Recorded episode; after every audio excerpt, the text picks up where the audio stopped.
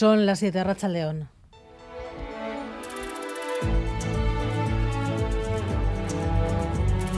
Gambara con Arancha García. Comenzamos con una última hora que nos sitúa en Holanda, en la ciudad de Rotterdam, un tiroteo en la universidad que dejaría al menos a estas horas varios muertos, según las primeras informaciones. Amaya Esteban. Sí, dos tiroteos ocurridos en la ciudad holandesa de Rotterdam, en una casa y en el Hospital Universitario Erasmus. La información todavía es muy confusa, se desconoce el número de fallecidos, se cree que al menos dos, tampoco hay noticias sobre los heridos. Este es el momento en el que la policía daba la alarma para proceder a la evacuación.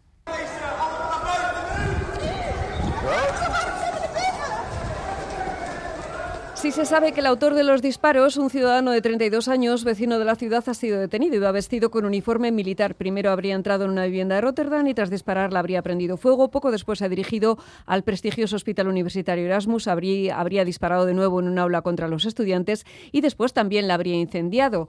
El campus ha sido evacuado, pero hay todavía estudiantes dentro de la Facultad de Medicina. Hace unos minutos la policía ha entrado ya en el aula incendiada para verificar si hubiera más víctimas dentro. Las llamas ya han sido controladas se desconoce el móvil de los ataques, pero la policía ha confirmado que se trata de una sola persona que ha actuado sin ayuda. La policía ha pedido colaboración ciudadana con el envío de vídeos e imágenes sobre el suceso. Pues es lo que sabemos de momento. Seguimos pendientes de cualquier novedad.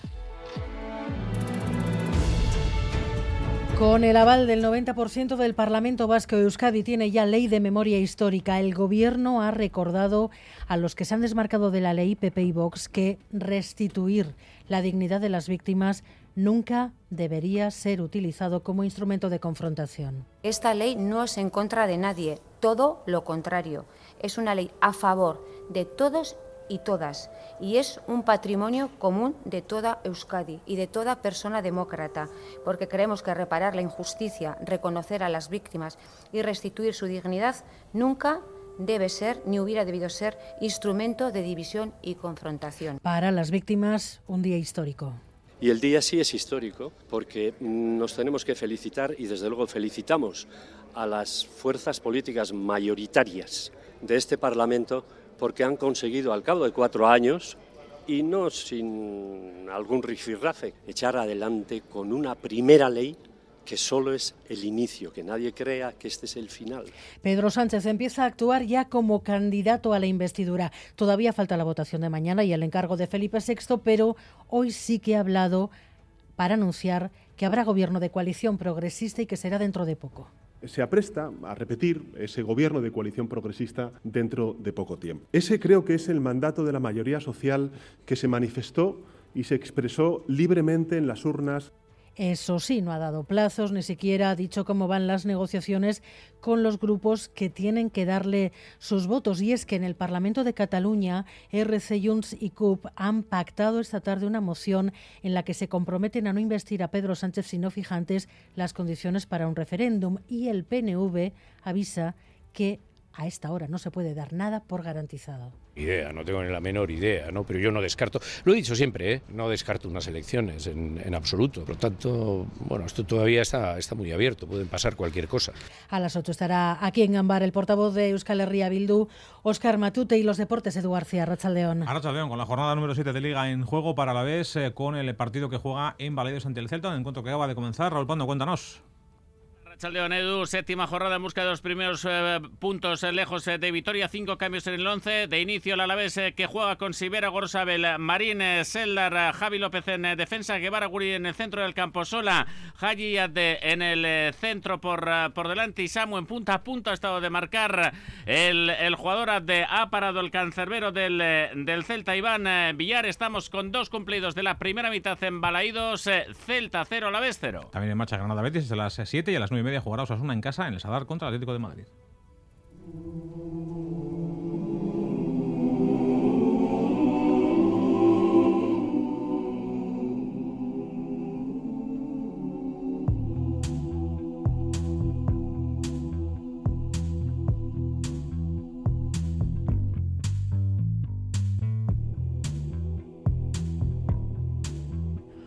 Hoy hemos sabido de esta semana, mejor dicho, hemos sabido de la historia de un cura de Melilla que drogaba y violaba a mujeres mientras lo grababa todo. Lo que hoy hemos conocido y lo que nos ha sorprendido han sido las explicaciones de la conferencia episcopal que dice que algo así como que no tiene competencias en el caso. Xavier Madariaga. La máxima autoridad de la Iglesia en España nada tiene que decir sobre el padre Fran. Gracias por su presencia en esta casa de la Iglesia, en este... Así ha arrancado hoy la rueda de prensa de la conferencia episcopal, después de dos días con los obispos discutiendo sobre los asuntos de la Iglesia española.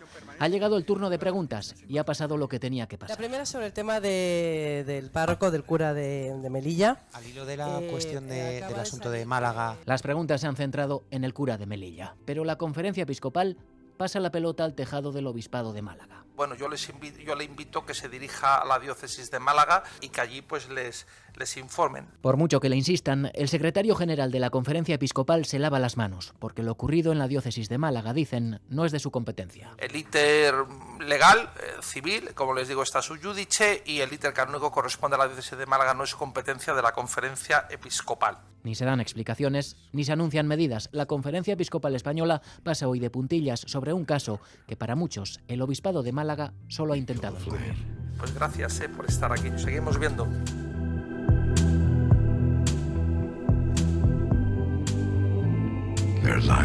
Miguel Ortiz y Alberto Zubeldia están en la dirección técnica, Cristina Vázquez en la producción.